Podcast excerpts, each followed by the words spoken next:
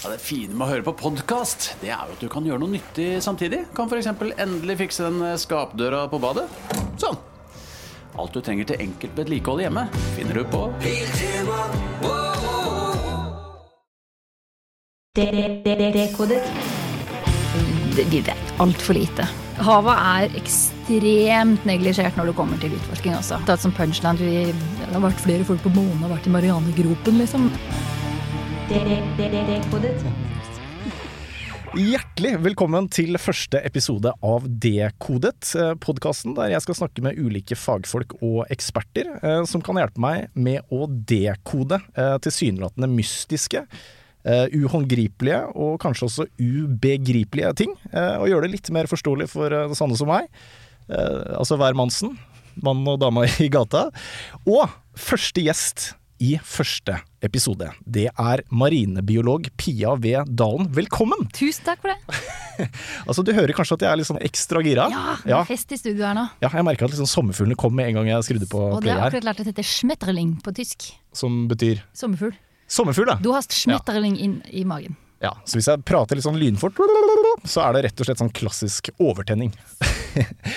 Men vi skal jo da dekode, eller dissekere eh, i metaforisk forstand, denne fascinerende og mystiske grønlandshaien som forskerne tror kan bli ekstremt gammel. Men før vi gjør det, eh, så må vi komme litt inn på deg og ditt eh, virke. Marinebiolog. Altså, jeg føler bare eh, yrk... Ja, hånda opp, ja. Håndsopprekning. Ja, og det her er sånn kjempedustepirk som vi eh, får litt kjeft for å pirke på, men det heter marinbiolog, ikke marinebiolog. Det heter marinbiolog, ja. Marinen er Forsvaret, mens marin, det er um, Jeg skjønner, men er det noe som heter marinebiolog? Hvis du er en biolog i marinen? Nei, det, er jo egentlig ikke det. Det, var, det er mitt forsøk på å prøve å si at det ordet du akkurat fant opp nå, er Det fins ikke. ok, skjønner. Da har jeg sagt feil i 32 år. Om forlatelse. Men uh, takk for det. Poenget mitt var kanskje at uh, marinbiolog det er et sånn type yrke som uh, vekker veldig nysgjerrighet, føler jeg. Ja. Altså, særlig hvis man liksom møter, møter nye folk. Så er det liksom Hva jobber du med? Jo, jeg er lege. sykepleier. musiker. tannlege, barnehageassistent. Også. Ja, kult. Men man veit liksom hva det innebærer. Når du sier 'hei, jeg heter Pia, jeg er marinbiolog', så er det litt sånn 'wow, marinbiolog'? Det er spennende! Har du merka det? At, det liksom, at du er eh, mer interessant i kraft av yrket ditt? Ja, jeg håper jo Eller ja, kanskje. Jeg vet ikke helt. Jeg har ikke stått ved siden av folk som har fått den 'Å ja, du er bare det, ja'. Eh, Men eh, jeg får veldig ofte den 'Oi, shit, det hadde jeg lyst til å bli også'. Ja, ikke? Skulle, hadde jeg ikke blitt rockestjerne, så hadde jeg blitt marinbiolog. Hadde jeg ikke blitt det, så hadde jeg blitt marinbiolog, liksom. Så ja, jeg mm. Uten at man kanskje helt vet hva det innebærer. For jeg har i hvert fall sånn bilde av marinbiolog som eh, at du bare sitter på båten med snorkel og dykkermaske og bare klart å hoppe uti og lete etter noen korallrev. Det er nøyaktig det vi gjør. Ja, det er det, Det er en presis beskrivelse av én promille av det vi gjør. Nettopp. Ja. Ikke sant. Nei, det, det, det å være marinbiolog er veldig forskjellig. Altså, man kan gjøre sinnssykt mye rart, men alt handler om havet. Så du kan være konsulent innen byggbransjen, du kan være konsulent innen det politiske, du kan være forsker, man kan være formidler, sånn som jeg er. Um, man kan være utred... Altså, mm, ja. Uendelige muligheter. Hva er en typisk eh, arbeidsdag for deg? Ja? Det er kanskje et dumt spørsmål, for det er vel så forskjellig. Det vet jeg ikke. Det er det som er så vanskelig. For jeg har jo ikke evne til å sitte helt stille eller jobbe med bare én ting om gangen. Jeg skrev blant annet masteren min om Grindhvalbestanden i Nord-Atlanteren og syntes det ble litt for smalt. Ja, nettopp. Ja, Så øh, jeg gjør alt, nesten. Bortsett fra ren sitte på data og trykke og analysere data. Jeg er mye ute i felt, henter inn data til forskningen. Ute i felt og snakker om ting. Jeg er ute og driver med restaureringsprosjekter. Um, ja. Og bare ta bilder. En vanlig arbeidsuke for meg innebærer minimum én tur i sjøen. Ja. Både fordi Eller mest for egen glede.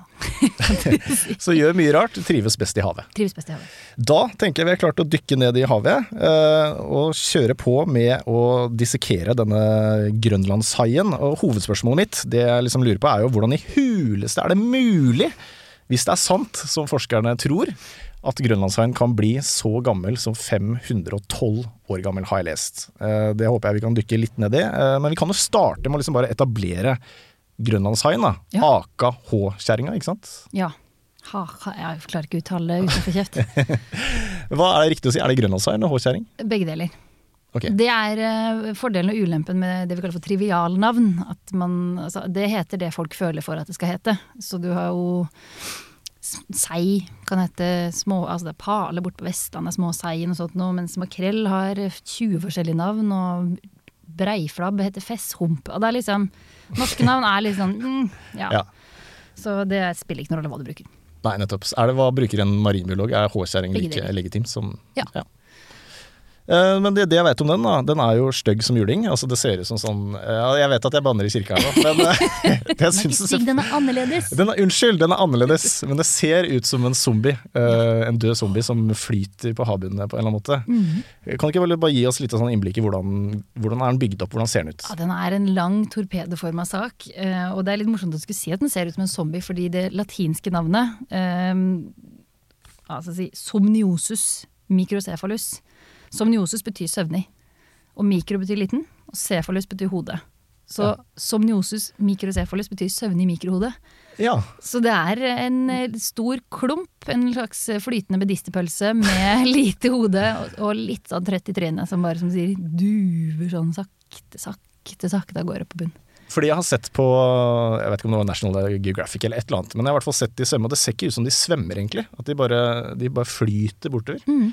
Eh, Kan de svømme fort hvis de vil? Ja. Ja, eller man har aldri helt liksom, 100 observert det her, tror jeg. Um, men man har en sånn teori eller en hypotese da, om at den kjører litt sånn sånn gjeddestrategien. Gjedda står jo bare i sivet der og venter til det kommer noe forbi, og så sier den og så bykser den på dem. Og det tenker man om her driver med, at det er ikke noe vits i å bruke for mye energi når du ikke trenger det. Uh, vi er vel en av få arter som svømmer for moro skyld, liksom. Og den her den bare gir et lite sånn flupp med halvvind, og så bare duver den av gårde. Den er veldig Jeg skal ikke si at den er nøytral i vannet, men det er ikke så veldig langt. Den trenger ikke jobbe for å svømme. Nei, ikke sant. Den bare driver med strømmen, nær sagt. Og, ja, Og det, og det syns jeg er veldig fascinerende med, med fisk generelt, da, med vanlig beinfisk, sånn som vi vanligvis kjenner til med torsk og sånn. Og har jo det vi kaller for en svømmeblære, som fungerer som en sånn oppdriftselement som skal sørge for at den kan holde seg helt stille i vannet på akkurat den, den dybden. Så den justerer den etter hvor dypt eller, eller grunt den går.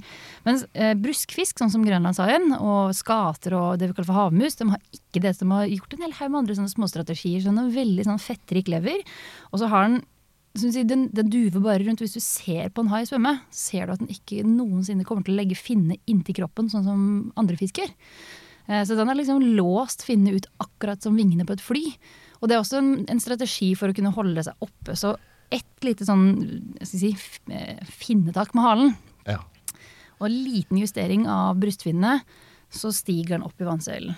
Og det er også noe fysikk her som jeg overhodet ikke forstår. Det er noe fluiddynamikk-greier som jeg vet at til og med ingeniører sliter med.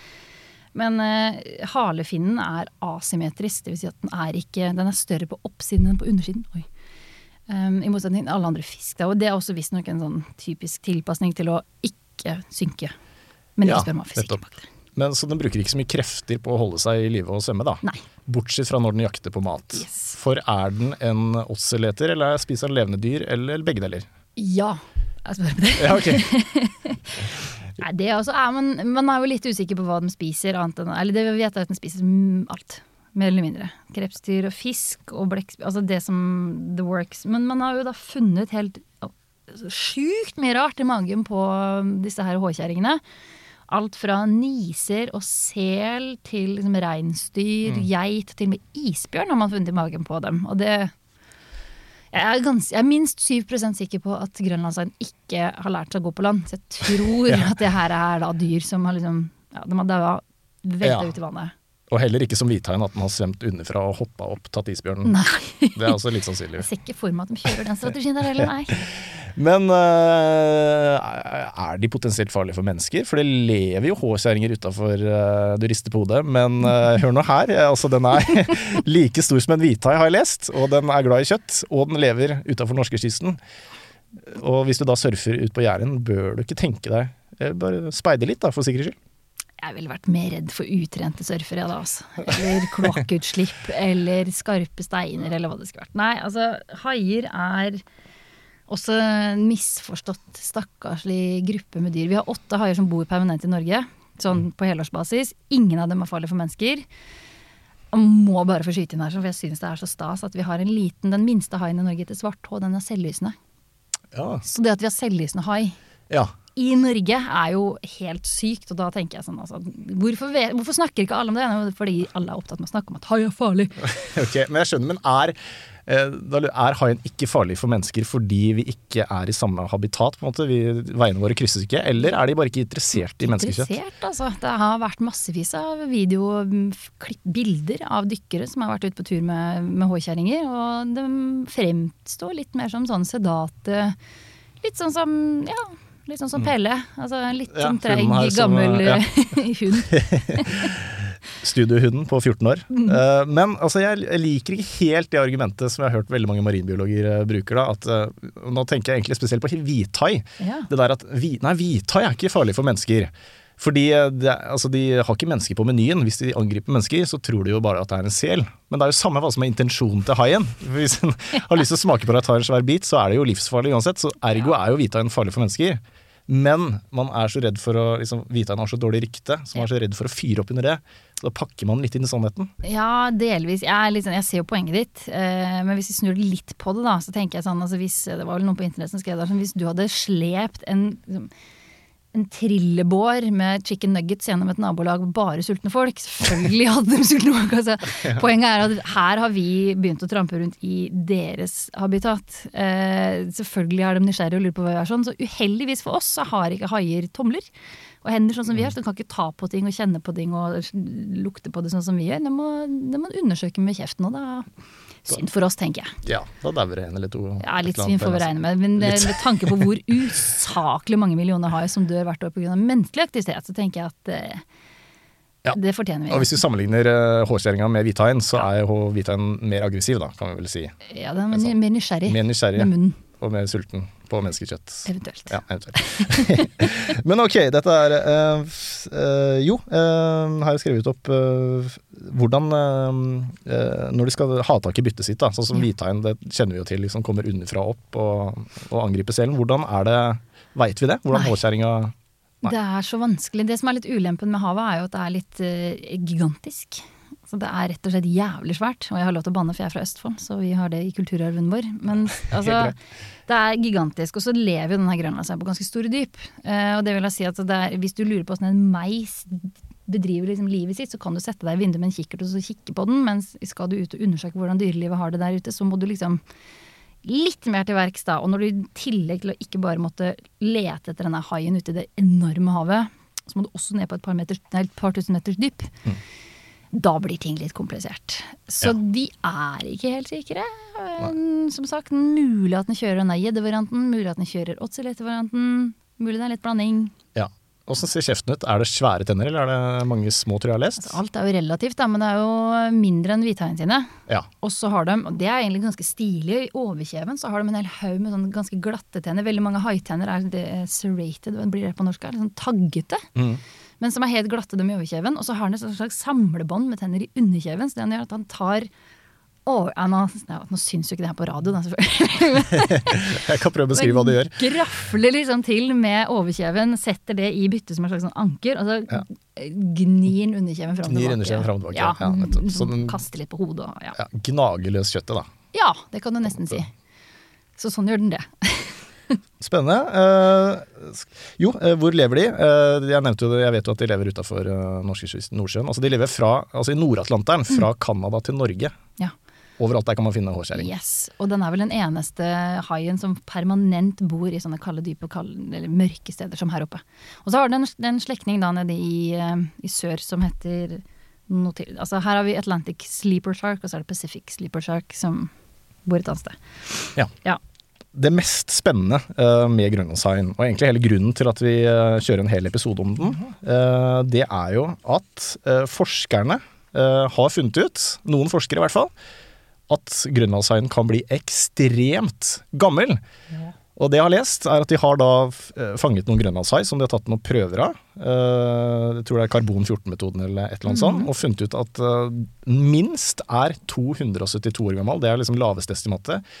Kanskje så gamle som 512 år gammel, har jeg lest. Og hvis, eh, hvis det her stemmer, da, så er det ganske sjukt, syns jeg. Så jeg har bare lyst til å og det her er jeg forberedt, det er ikke noe jeg går rundt og kan, men jeg har lyst til å bare liste opp noen historiske begivenheter for å sette ting litt i perspektiv. Kan jeg ikke gjøre det? Så hvis vi tar det laveste estimatet, da. eh, 272 år gammel. Eh, Hvis det er en hårskjæring i dag som eh, ble født for 272 år siden, så snakker vi 1749. Det er liksom før den industrielle revolusjonen starta i Europa. Eh, hvis vi tar det høyeste estimatet, på 512 år, da blir det enda sjukere. Da, eh, da ble den årskjerringa født i 1509. Eh, hvis den er 512 i, i dag. Eh, det var da Leonardo da Vinci nettopp var ferdig med å male Mona Lisa. Det var da Copernicus eh, oppdaga i gåsetegn eh, solsystemet, eller fant ut at sola var i midten og ikke motsatt. Eh, boktrykkerkunsten, den kom litt før, eh, 1450. Johan Gutenberg eh, til Europa. Det er 60 år tidligere, men allikevel var det sånn rett etter det. Eh, Columbus oppdaga Amerika i 1492. Eh, litt senere så ble hårskjæringa født. Shakespeare skrev Romeo og Julie i 1595. Da var hårskjæringa 90 år, røftlig rundt der. Fortsatt ganske ung, ikke kjønnsmoden. Eh, Jeg har mer, skjønner du. Mm. Isaac Newton kom med de der fysikkens lover, eller hva han gjorde, i 1686. Da var hårskjæringa 177 år gammel, altså så vidt kjønnsmoden. Eh, 1814, Norge fikk egen grunnlov. Da er hårskjæringa blitt 305 år gammel, når de undertegna den på Eidsvoll. 1905, unionsoppløsninga, da er hårskjæringa 396 år. Begynner å dra på åra under første og andre verdenskrig. Da passerer den liksom 400 år, men har fortsatt mange gode år igjen. Eh, og så viktigst av alt, Oddvar Brå brakk staven. Da var hårskjæringa rukket å bli 473 år. Fortsatt litt pensjonsalder igjen. Åh, ja, altså hvis det er maksalderen, da. ja, er det ikke det? Nei, vi vet ikke. Det kan jo hende at den hårkjerringa man fant da var i sin, eh, Levde sitt beste liv i sin beste alder. Og bare var halvveis i livet. Men hvordan er det, altså, hvordan er det mulig? Er det noe som, altså Veit vi noe om det her? Hvordan Det er sikkert, nå ble jeg sikkert kjempearrestert av dem som faktisk kan det her, sånn, men eh, det, vi vet altfor lite. Og det er jo sånn der typisk Jeg har egentlig alltid hatt som punchline vi, Det har vært flere folk på månen, har vært i Marianegropen, liksom, men nå har det jo akkurat blitt endra på det, da. Men havet er ekstremt neglisjert når det kommer til utforsking, også. Det er mye av den forskningen som gjøres nå, er gjennom industrien, og det er sånn, sånn obs- obs- oppdagelser fordi man skal bore etter olje et eller annet sted. Det koster så sinnssykt mye penger og krever så mye ressurser at vi vet jo ingen verdens ting. Vi har jo detaljutforska kanskje 5% av havet. ikke sant? Så hva den her grønlandsen egentlig holder på med, Aner ikke. har ikke peiling. Og det er litt sånn Samme gjelder månefisken, da, som faktisk bor oppe i overflaten. Har ikke snøring på hva den driver med når den er nede i dypet. For alt vi vet, så er det en supermann når den kommer ned der. Bare sånn den sykeste, råeste toppredatoren i hele verden. Men så kommer den opp hit, så er den bare sånn dum klump av en fisk. Ja. Så nei. Men ha, finnes det noen teorier da, om hvorfor de blir så gamle? Ja, det er jo faktisk en sånn, og det er ikke en teori engang, men eh, en sånn, eh, kall en slags regel, da, eller en pekepinn eller tommefingerregel, eller hva man skal kalle det, i biologien, er at uh, liten og rask gir kort levetid, mens stor og treig, da lever du lenge. Og det er ikke en oppfordring til folk til å sette seg ned på sofaen og leve et sedat feigt liv. Man snakker om generell sånn, stor kroppsstørrelse, sånn som elefant for eksempel. Liksom, vokser sakte, får barn seint, Altså lever et sånt sedat, rolig, treigt liv. Lever jo da åpenbart mye lenger enn f.eks. en spissmus, som bare stresser rundt og er sånn hele tiden. Men der har jeg bare lyst til å skyte inn, for da har jeg hørt en teori eh, som går på, jeg vet ikke om det er legit, eh, men eh, har du hørt den? At det er, altså alle dyr eh, har noenlunde eh, likt antall hjerteslag i løpet av livet. Ikke sant? Så man blir født med et visst antall hjerteslag, og det er noenlunde likt eh, på tvers av dyreriket, men eh, spissmusen har jo da den bruker jo på alle hjerteslagene på to år, ikke sant? eller hvor lenge den lever. Ja, jeg har hørt noe sånt, og fordi jeg ikke har lyst til å hisse på meg hele forskningsverdenen, så tror jeg bare jeg ikke tar på den diskusjonen. Ja, okay. Det er en myte, kanskje. Jeg tror det er um, en Ja, jeg vet i hvert fall om folk som tenker sånn Nei, jeg må ikke bruke opp hjerteslagene mine. For Ja. For meg sitte helt stille, men du ser, altså, jo mer du trener, Ja. jo fortere går jo hjertet. Ikke sant? Så jeg Ja. tror ikke helt at det er det vi skal gå på, men det er snakk om prosesser i kroppen. Ok. Uh, men det er klart at et lite dyr som lever raskt, må jo nødvendigvis også ha mm, høyere puls. Så mm, jeg stopper der, jeg. Ja. Før jeg roter meg. Men da var det ikke en, eh, nødvendigvis bare en myte, da. Det var, der- du hadde hørt om det? Jeg har hørt om det, men i Om det stemmer eller sånn, ikke, det er en annen eh, sak. Jeg har hørt om det i science fiction-verden. Ja, det er der jeg får eh, mest av infoen min fra. infoen ja. Du kan tenke deg da, altså, En ting er jo at den blir stor og lever treigt, men også det her er jo dyr som har vekselvarmt dyr, da. Så den tar temperaturen stort sett etter omgivelsene, eh, i motsetning til oss som er i gåseøynene varmblodige. Så vi produserer vår egen varme og bruker masse energi på det. Mens den her, den er litt mer sånn ja, ja. Nå er det minus to grader, da får jeg være Ikke akkurat minus to grader, da, men den, den holder seg ganske, ganske kaldt. Og det gjør jo også at alt av sånne metabolske prosesser, altså forbrenning og alt sånt, går mye, mye, mye mye saktere. Så den eh, Hvor fort hjertet slår, vet jeg ikke. Men alle disse prosessene går kjempeseint. Og da er det liksom Da, når kropps- eller organet bruker lang tid på å utvikle seg, så ja. Da må jo nødvendigvis dyr også leve ganske lenge. Ja, ikke mening. sant. Ja, det gir mening, det. Ja. Og vi, jeg har også lest at de vokser omtrent 1 centimeter i året. Ja. Da er det ganske lett å regne. Eh, Men det betyr også at de blir ekstremt uh, seint kjønnsmodne. 150 eller sånn røfler rundt der. Ja, jeg rota meg borti noen artikler der uh, som skrev at noen mente på Altså du har en aldersgreie, noen andre var med på sånn Hanne blir kjønnsmodne når de er tre meter, mens hundene blir når de er fire meter. Uh, men etter en, en A4-side med alle de her det som så skrev det videre da, i den her rapporten fra i, i fjor, fra noen norske forskere, som jeg dessverre ikke husker navnet på akkurat nå, men det kan jeg finne for jeg har den oppe, Um, så, så var visst det bare tull. Å ja. Ja, så Nilsen, Hedeholm og et al. har en ganske god forskningsrapport hvor de har tatt for seg det her. Um, jeg ramla litt av lasset da jeg begynte å rote meg inn i alle tabellene, men der har de har i hvert fall gått veldig grundig gjennom eggmengder og størrelser og, og det som er. Men la oss si 150, for dette er et veldig gøyalt tall. ja. Eh, og egentlig ganske sjuk ting også. At eh, man kan dra opp en hai som er 100 år gammel. Altså som ble ja, født eh, rundt grunnlovsdagen, da. Ikke sant. Og bare Nei, jeg er ikke kommet i puberteten engang. Nei, ikke sant. Sånt vil ikke jeg med. Men de er jo helt enestående. Altså, er det noen andre dyr som kommer i nærheten av liksom, å kunne leve til de er 400 år Ja. Ja, og det er det som er så spennende. For her er jo den lengstlevende vertebraten, altså ryggradsdyret. Ja. Eh, Grønlands hval kan også leve ganske lenge. Den er vel oppe i nesten 200 år, tror jeg. Um, men der, nå må jeg bare finne frem notatene mine. Så hvis du danser litt på skjermen som ikke fins i mellomtiden eh, Ja, det kan jeg gjøre. Så skal jeg bare dra, for det, det finnes noen verdensrekorder som er helt spinnville. Du har det vi kaller for den udødelige maneten, som heter Turitopsis dorni. Eh, Det er en bitte liten manet som kjører en slags sånn eh, Åh, hva heter den filmen med Brad Pitt, da? Hvor han går tilbake og blir Benjamin Button. Benjamin Button, ja. Han kjører en Benjamin Button-variant hvor når det er litt uheldige forhold for den maneten, så bare sier han sånn Nei, nå skal jeg bli polyp igjen. Og så bare vrenger han kroppen sin og blir baby. Setter seg fast på bunnen, og så sitter han der og lever som polyp. Altså et fastsittende greie. Helt til han føler at nei, nå er det greit å bli voksen igjen, og sånn kan han holde på i uendeligheten. Ja, så den er udødelig. Den er udødelig, bokstavelig talt. Men det er jo litt juks, da. Og så har man også funnet en, en, nei, en liten svamp, og det er jo sånn typisk ting som Oi, shit, det var dumt at vi tok opp den. For ofte så må man jo ta livet av dyret før man kan teste hvor gammelt det er. Så var det noen som hadde klart å funnet, eh, eller dra opp en svamp, en glassvamp, som helt noe som ikke noen kommer til å huske uansett, da. Men de, da de eh, sjekka den, så fant de ut at den var over 11 000 år gammel. Ok. Ja. Eh, og så er det jo litt sånn igjen, da. Litt sånn halvjuks med det, men det finnes kurskjell. kuskjell. Og det er jo noe hvem som helst kan finne ut på stranda, for kuskjell er det massevis av. Så er de litt sånn runde, store eh, muslingene som du finner ute på stranda, gjerne, eh, som ikke har kamskjell. Der var det noen forskere i 2006 som drev og surra rundt på Island. Eh, og dro opp et skjell som de døpte Hafrun. Og Hafrun hun ble plukka fra hverandre på laben, og ved hjelp av også da karbon-14-datering så fant de ut at hun var minimum 507 år gammel. Ja. Og da hadde de både brukt karbondatering og veldig intens årringtelling.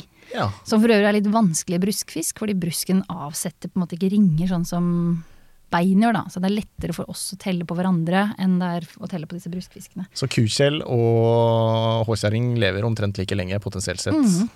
Og det de hadde funnet ut med, den der, med havfruen, da, var at uh, hun hadde gått forbi overgangsalderen. Fordi det de skrev Reproduksjonsorganet ble klassifisert som oppbrukt. Så den, Ja, hun, hun hadde nok levd sitt beste liv, og så Ja. Håper ja. dagene bak Og det er liksom massevis av sånne her eh, ting, men jeg skal stoppe det. Men jeg syns jo at det er mer imponerende Fordi sånn som kukjell og svamp og den maneten og sånn, for det, det er jo ikke virveldyr, som Nei. du sa. Eller, så det er jo Sånn som maneten har den et nervesystem, liksom? Eller er det bare celler? Nei, og det er så fascinerende med manetene, og det, det, er et, det er et konsept, vil jeg jo nesten påstå. Litt fenomen, disse manetene, som jeg egentlig ikke helt skjønner. Jeg sliter med liksom wrap my head around at det er en klump med gelé som har ett cellelag utapå og ett cellelag på innsiden. Og som klarer å gjøre så mange rare ting som maneter kan gjøre. De jakter i flokk, noen av dem. No, altså, de kan drive med koordinert svømming, og det er uh, helt sjuke greier. Men de har et veldig sånn diffust nervenett, som vi kaller det. Så vi mennesker har veldig sånn, vi har lange nerver som treffer ryggraden, og så opp til hodet. Mens her er alt bare i en sånn Ja. Ja. Det ligger som en sånn der deilig nettverk, og alt snakker med alt. Det er rett og slett mye fascinerende der nede, er som vi ikke har oppdaga ennå. Men jeg syns jo altså øh, Det er ekstremt fascinerende at øh, liksom et, en hai, da, et virveldyr, øh, som er nærmere beslekta oss, selv om det er fortsatt er ganske langt unna, er mer imponerende enn at en manet kan bli så gammel, på en måte. Og øh, hva var andreplassen, sa du? Eh, Hvis det var en andreplass, hval, grindhvalen ble 200 år, var det det du sa? Eh, Nei, grønlandshval. Grønlandshval? Ja, så det er mye som skjer på Grønland. Kanskje det er Grønland som er eh, Ja. kilden eh, Kanskje, ja, kanskje ungdomskilden finnes der. Ja, men det er, kan det være et eller annet i DNA-et til haien? Altså, er, det noe, er det noe spesielt med grønlandshaien som gjør at den blir så sykt gammel? da? Mm, det er jo det man lurer på nå, da. Og jeg vil også lissepasse den videre til meg sjøl og snakke om sjøpung, hvis jeg får lov. Det er helt greit. Fordi sjøpung er veldig gøy. uh, og ja, det kan definitivt, men det er nok også mye i livsstilen. Uh, mens sjøpung lever jo her oppe, så livsstil, er- for oss mennesker så hadde det vært litt mer trøblete, tror jeg, å adoptere også livsstilen til grønlandshaien. Så selv om det ikke bare er DNA, så ja. Eh, det som er nesten mer interessant å se på, er jo at sjøpung er et lite sånt, det vi kaller for kappedyr. Den tilhører en gruppe som heter kordater, og i den gruppa så finnes altså vi. Så vi deler jo da, vi er, Mennesker er veldig glad i å klassifisere dyr inn i ting. Så vi har svamp er en gruppe, nesledyr er en gruppe, piggguder osv. Og, så videre, og så har vi kordatene, da, som mennesker, fisk, fugl, hval, hai eh, osv. er inni. Og sjøpung. Og sjøpung er en sånn merkelig liten sånn sekk som ser Mange av dem ser ut som sånn brukte kondomer som bare sitter og flapser i vinden. Det de har, stort sett, er fordøyelsessystem og kjønnsorganer, og så har de en kappe rundt seg. Eh, Og så har man funnet ut da, at disse her eh, små kondomene, som vi er mer beslekta enn da f.eks. en blekksprut som har øyer og armer og hjerner, de kan regenerere alt av organer. Så hvis du plukker fra hverandre alt unntatt bare det minste liksom, blodcellene, så klarer den å bare bygge opp alt igjen på nytt. Nå så Ja. du imponert ut! Ja. Ja, jeg så veldig imponert ut. Ja, men jeg tenker det var så superinteressant, For det finnes jo en gruppe mennesker som er uh, veldig opptatt av å, å leve lenge, Ja. eller evig liv. Sånn type El Musk har jo uttalt det, tror jeg, at han har lyst til å fryse seg ned rett etter han dør. ja. Og Da er vel tanken at uh, du fryser deg ned i en eller annen fryser. Uh, at det er såpass kaldt at du liksom bevarer vevet, da, at det ikke råtner. Og så håper man at teknologien utvikler seg så mye at man kan bli vekka til livet om 1000 år. Mhm. Hello world, here I am. Har du sett Idiocracy? Nei, det har jeg ikke. Det må du Eh, gjøre, da. hva handler det om? Den, det er en, den dummeste fyren på basen som blir fryst ned i et eksperiment, altså på en militærbase, og så glemmer de den bort, og så våkner den opp 500 år seinere fordi at det er et eller annet som skjer med det bygget og noe greier, og så viser det seg at evolusjonen har gått baklengs. Oh, ja. Menneskelig intelligens. Så alle akademikerne har sagt nei, du jeg venter med barn, jeg.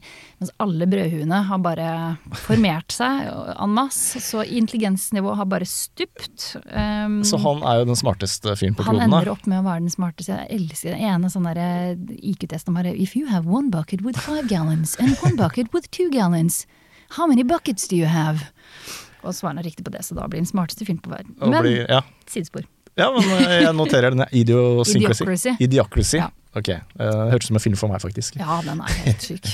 altså, spørsmålet er om vi har klart å komme dit hen at krypto Altså den herre nedfrysningen kan, faktisk kan eh, Jeg trodde du skulle si krypto og bitcoin og sånn, men du mente Nei, det heter krypto. Ja, det er det det heter. Ja? Ja, og det er, kjenner du til bjørnedyret? Uh, ja det, det gjør jeg. Ja. Eller har sett det på YouTube. Du sitter på YouTube. Uh, de lever overalt og overlever i verdensrommet, og de er helt sinnssyke. Ja. Sånn sett. Altså Hvis vi klarer å skjønne hvordan det uh, Eller vi skjønner hvordan det funker, hvis vi klarer å overføre det til oss, så Nettopp. tror jeg vi begynner å snakke om noe. Nettopp. Altså, Grønlandshaien på 500 er jo bare Det er ingenting. Barnemat. Nei. Altså maneter og bjørnebedyr og ja. Bitsy please. ja. Ja, men eh, fascinerende greier. Ja. Um, jo, det jeg skulle spørre om, eh, tilbake til grønlandshaien, da. Ja. Eh, reproduksjon, Mm. har vi vært innom det? ja. Nei. Nei? ja, nei.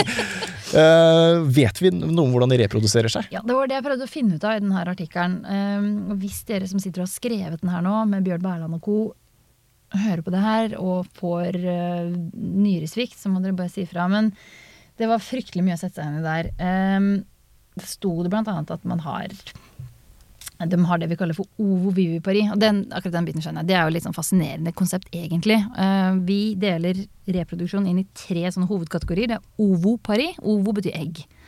Så ovopare dyr er åpenbart av dem som legger egg. Fugl, for eksempel. Høner. Egget du spiser til frokost. Um, så har du vivipare dyr. Det er dyr med livmor. Så oss. Og så har du et konsept som heter ovovivipari. Eller ah, deilig navnet aplasental vivipari. Ja. skjønner. Så det sånn, Ja, jeg noterer som om uh... Ja, jeg skjønner jo at folk får litt sånn vitenskapsforakt når det er det som står på YouTube. Nei, på YouTube, på Wikipedia. Men det er rett og slett eh, De ligger inni magen, altså ruger inni magen, men uten da livmoren eller morkake, sånn som vi holder på med. Så ovovivipare dyr, der har du typ alle boaslanger, anakondaer og boa constrictor og sånn. Og så har du en del hai, det finnes um, en del insekter og edderkopper som holder på med sånn også. Og også da grønlandshaien. Så det de gjør istedenfor å legge en hel haug med egg, det er at de har bare en sånn samlebånd inni kroppen sin som produserer egg. Og når de um, ikke fermenteres Eh, eh, Ruges? Nei. Nei, å gud, hva er det? Befruktes. Befruktes. Ruges. Så kommer rugingen. Så kommer rugingen. Ja, og der datt jeg helt av. For jeg satt og prøvde å finne det der, så sto det plutselig et sted at de har en sånn gestation period på 8 til 18 år. Og da Ja, men det gir jo mening, det. Altså, alt går jo sakte i den haien der. Ja, så det kan jo fort være, da, men det er jo helt tullete. Men jeg vet at de har mellom ett og ti pups, som vi kaller det, da, eller valper, per Ja. kull. Heter det valper også Det når det er hai? valper, ja. Yes. De er gravide, øh, ikke drektige, og de har valper, og det er jo. Med hval så snakker vi om ku og kalv, liksom, så Ja. hvorfor ikke Ja, ja. hai og hund? Nei, hai og valp. Hai og valp. Eh, fascinerende. Men Så det er en slags blanding av pattedyr og eggleggende dyr, da? Ja, du kan si det sånn. Som det så ligger liksom egga i magen, og så klekker de det de skal ut. Ja. Gjelder det alle haier, eller er det kun grønnshaien som er liksom Nei, det er ikke alle. Eh, Jeg lurer på, og det her tar jeg egentlig litt sånn ut av ræva akkurat nå, men alle H-ene, altså H-kjøring og pigg-H og sånn, eh, det er mange, sånn, det er mange H-er Mm. i det er pigg-H, svart H, H-hjel, Mm. H-kjerring. Men det kan også bare være noe jeg finner på akkurat nå, så ta det med en pose salt. Jeg pleier Men også det- bare å finne på ting, så det er, Ja, eh, det, er Vi skulle hatt en sånn fettsjekker der, men Nei, da, men det finnes mange sånn som I hvert fall pigg-H føder i gåsehudene levende unger på samme måte. Da. Så Ja. vi fikk faktisk inn en pigg-H for noen år siden som hadde magen full av uklekte små babyhaier. Eller jeg jobba på akvariet Bergen, altså med vi, så mener jeg akvariet. Hvor vi fikk, det var en fisker eller noe sånt som hadde fått inn, og den var sånn halvdød, den stakkars haien, og døde idet han kom til oss omtrent. Mens da disse bitte, bitte, bitte små haibabyene, som var nesten ferdig utvikla, Ja. klarte vi å holde i live et par dager til da, med en liten plommesekk utenpå. Sommer, vinter, høst eller vår. Uansett hva du trenger til hjemmet, byggeprosjektet, bilen eller fritiden, finner du det hos Biltema. Hvorfor betale mer?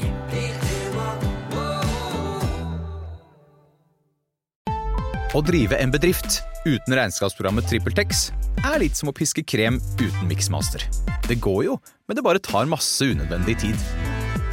TrippelTex, det fleksible regnskapsprogrammet som forenkler hverdagen for over 100 000 fornøyde kunder. Prøv gratis på TrippelTex.no. Kunder. Så du trenger, du trenger vel også, du trenger vel en ha, eh, he, he, du trenger vel en han og en hund for, Ja. å, for å få noe? Det er paring involvert. Veldig ofte, ja. Heter det paring når det er haier som Ja, Ja, det gjør det. eh, det, jeg kaller det vakreste to grønlandshaier kan gjøre med hverandre. Det går også an å si. Ja, nettopp. Litt, ja. eh, Familievennlig måte å si eh, Yes, do the dirty. Ja, det er det. Og der er jo bruskfisk kjempegøyalt. Der er faktisk den eneste fisken, bortsett fra dem som du ser veldig tydelig fargeforskjeller på, da. Hvor du kan se forskjell på han og ho. Ja. Veldig morfologisk. Det- hannhai og hannskater og hannhavmus har det vi kaller for klaspers. To utvendige peniser, fordi hvorfor holde seg med én, liksom? Jeg skjønner det godt, ja. Det, ja. Mister du en, så er den andre der fortsatt. Ålreit. Ikke sant? Og der er det det vi kaller for indre befruktning. Da. Så torsken for eksempel, den er ytre befruktning. Så det en strategi er å bare spy ut en haug med sædceller og eggceller, og så håpe på det beste. Mens hos dem her så må en hann bort til en ho, og så må de spise middag og bli Ja. enige om som, sant. oppvekstforhold og så videre Ja. og sånn. Og så da må det pirkes borti. Nettopp. Eh, Men har de noe, lever de i ensomhet, eller er det noe relas- har de noen relasjoner? Familie, nære familiebånd mellom Eh, Åh, dette visste jeg ikke at jeg lurte på. Jeg, så vidt vi vet så er det bare solitære dyr. Ja. Så de er litt sånn enstøinger, og så møtes de av og til for en liten sengevals. Og når ungen først er født, så må den klare seg sjøl. Ja. Da er det liksom ikke noe kjærmor. Bye bye. Da er det, og det er litt sånn av det kule greia med eh, hai, da. Fordi strategien deres er jo å få få, men robuste unger. Mens torsken, ikke sant, når de klekker fra egga sine, så er de en liten larve, og så svømmer de rundt, og så går de gjennom en haug med transform, altså metamorfose, da. Så den, ja, den er veldig sårbar en stor periode av livet sitt. Men småhai, de kommer ut som minikopier av den voksne. Og det er liksom rett på mat. Mat, mat, mat. Du er liten, du er myk, jeg spiser deg. Og så Ja. er det liksom bare drapsvåpen umiddelbart. Men uh, akkurat grønlandshaien er vel ganske høyt oppe i næringskjeden i Nord-Atlanteren. Mm. Den har vel ikke noen naturlige fiender, kanskje akkurat når den er født, da, men i voksen alder. Altså, da snakker vi 300 år gammel, liksom. Ja. da er den plutselig øverst i næringskjeden, er det ikke det? Jo, og da, hva skal spise den der nede? Kanskje en bl- i ny og ne, hvem vet. Ja, ikke sant. Uh, du spurte jo utenom her om hvorfor uh, grønlandshaien er giftig. Mm. Um, og hva skjer om man spiser ferskåkjeng. Altså, man bare blir død. Så vidt jeg skjønner, så blir du ikke Du dør ikke med mindre du spiser helt sinnssyke mengder av det. Det som er litt spennende med kjøttet til grønlandshai, er jo at den har et veldig høyt innhold av urea, som er et biprodukt av ammoniakknedbryting. Altså vi skiller det ut i urin. Det er mange som tror at urea er urin, men det er bare en del av urinen. For at vi skal holde riktig sånn saltbalanse i kroppen, så må vi få det ut av kroppen og skifle det vekk. Mens det her er jo dyr som bor i salt, så den vil gjerne holde saltnivået i kroppen litt høyt. Eh, Men urea, det bryter ned proteiner. Så for å motvirke det, så er det også noe som heter trimetylamin N-oksid. Som både brukes til å motvirke denne urea, og også eh, forhindre at proteiner i kroppen forvrenges under trykk. For når det kommer ned i de her absurde dypa som de her dyra bor på, så vil det trykket fra de mange hundre kiloene med vann gjøre ganske mye rart med kroppen din. Så den, den, den, på en måte, den motvirker begge tider. Nå er det sånn da at trimetylamin N-oksid er giftig. Mm. Og det er det gjerne vi eh, reagerer litt på, da. Og da er det selvfølgelig også en delikatesse, da. På Grønland, tror jeg det var. Herregud. På Island så spiser de jo fermentert hai. Ja. Eh, Men jeg leste også en artikkel hvor det var noen som hadde testa det her sånn i virkeligheten. Det er jo en ekte forskningsartikkel med folk, på, folk i felt. Det kan også si at biologer i felt er ikke like kjedelige som rapportene som kommer til ut i andre enden. For å si det sånn. Så her hadde de, de hadde testa litt, de hadde fått opp en grønlandshai som antageligvis var død. da. Kappa den opp og tenkt sånn, nei, når vi først har det her dyret, det er masse kjøtt. I tester det, så var det en som hadde testa med å steke det og pøse på med soyasaus. Og to spiste, to lot være. Ingen ble sjuke. Så tilrett ja. funker det. Så det blir kanskje litt sånn som H, nei, havålen. Spiser du den rå, så kan det bli dårlig. Um, for den er også giftig, men på en annen måte. Så litt soya og litt sånn eh, lagring eh, under bakken en viss periode, eller graving eller et eller annet sånt, så er det bare å kjøre på. Ja. Så bra. Um, og så hadde vi også et spørsmål om blindhet. Ja, du, det, det har vi glemt å snakke om. Blindhet. Ja. Fordi eh, de er jo blinde. Eller alle er kanskje ikke blinde, men eh, noen er blinde. Eh, hvorfor? Uh, hvorfor ikke? ja, er det noen fordel ved å være blind? Nei, det er jo egentlig ikke det. I dyphavet så er det ikke noe særlig lys. Og da er det ikke noe vits å ha øyer. Men den her har øyer, um, og da er det greit å bruke dem. Men så kommer det av og til en liten parasitt, en liten det vi kaller for en kopepode, som er i familie med altså hoppekreps og lakselus er en kopepode. Så det er liksom en sånn en håkjerringlus, kan du kanskje kalle det, som insisterer på å sitte inne på øyet til den håkjerringa og spise opp Kult. det som funker inni. Sånn. Kult fyr. Nja, sånn leieboer fra helvete. Ja. Um, men eh, så viser det seg at det driter egentlig den håkjerringa i. Den har øye, Ja. men den bruker dem egentlig bare som en sånn hyggelig substitutt til alt det andre han holder på med. Fordi de har et sidelinjesystem. Så da, hvis du ser på en Ja, igjen tilbake til torsken. er kanskje litt kjedelig eksempel å bruke alltid, men på de fleste fisk så ser du en stripe på hver siden. Det er det O så oppfinnsomme navnet sidelinjesystemet. Mm. For det er en linje på siden.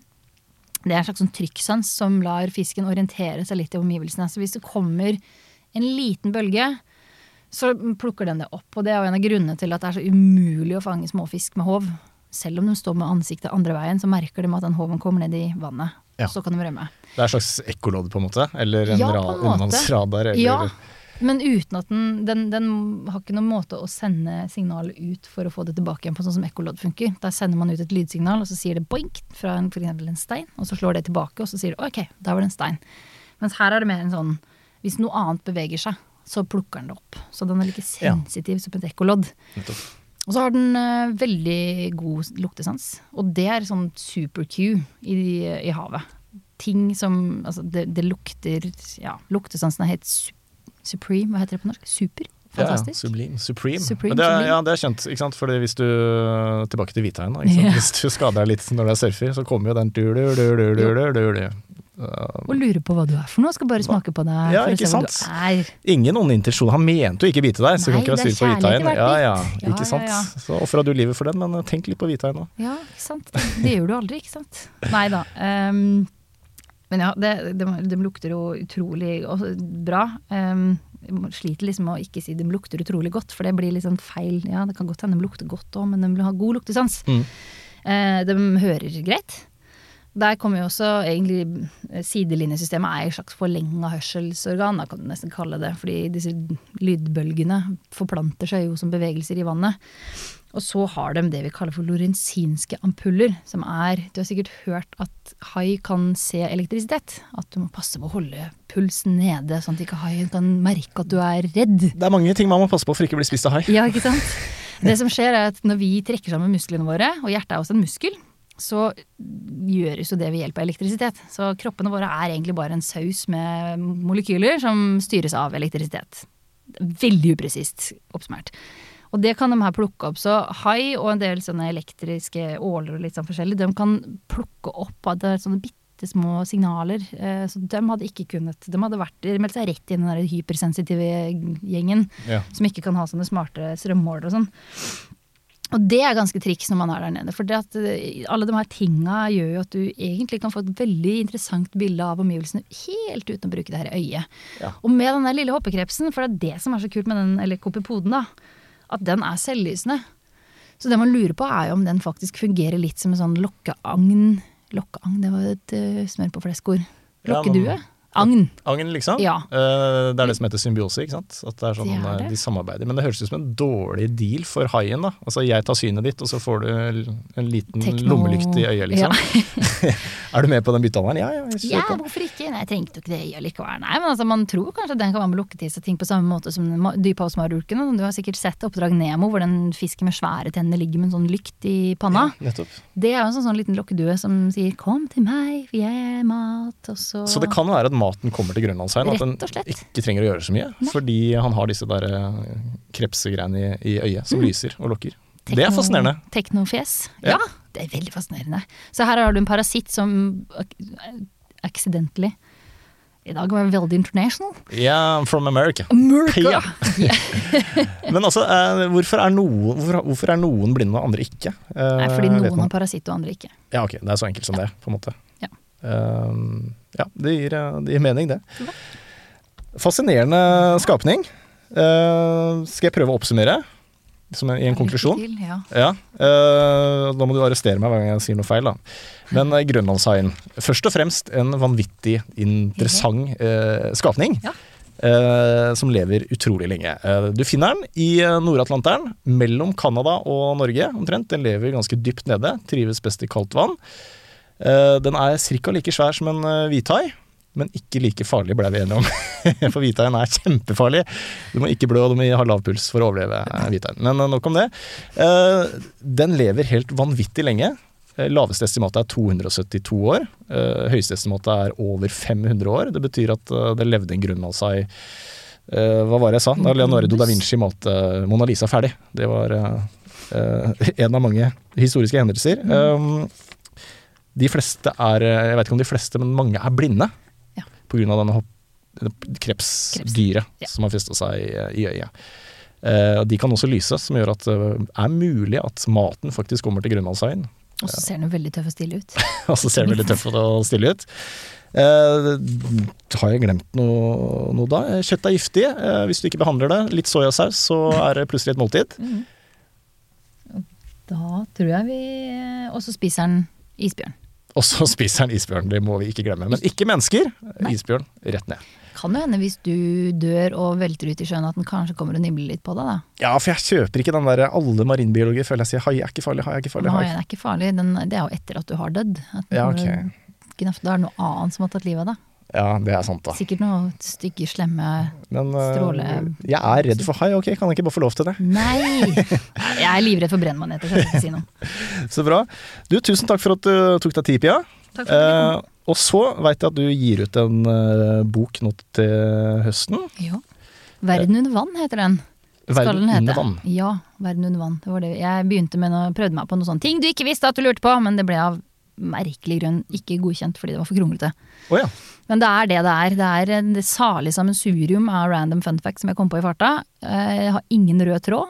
Det er bare sånn 'dette syns jeg er gøy', og det syns jeg du også syns er gøy. Ja, men uh, altså, livet under havet er jo fascinerende. Altså, jeg har digga den timen her. Og klarer du å klemme litt info om uh, Grønlandsvei nå i den boka? Kan det være? Selvfølgelig har jeg gjort det. Jeg har Ah, til og med med det segmentet om at den er så gammel at den har levd under Columbus og tjo og hei, så det ja, fins. Jeg liker det. Um, Pia, hvis noen vil booke deg til foredrag eller lignende, så finner vi deg på piaihavet.no, ikke sant? Ja, men enda bedre er hvis man går til leienbiolog.no, for det, nå har jeg blitt bordellmamma.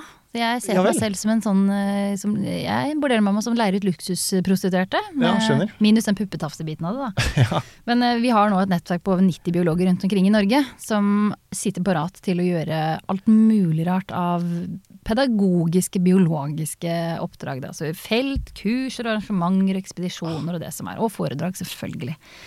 Så leienbiolog.no er eh, lettere å få tak i meg der. Leienbiolog.no, tusen takk for praten. Det har vært veldig hyggelig og veldig fascinerende. Og ikke glem at eh, hai er farlig. Denne podkasten er produsert av Tid og lyst.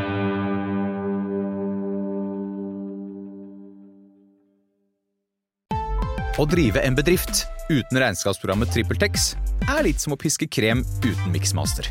Det går jo, men det bare tar masse unødvendig tid. TrippelTex, det fleksible regnskapsprogrammet som forenkler hverdagen for over 100 000 fornøyde kunder. Prøv gratis på TrippelTex.no.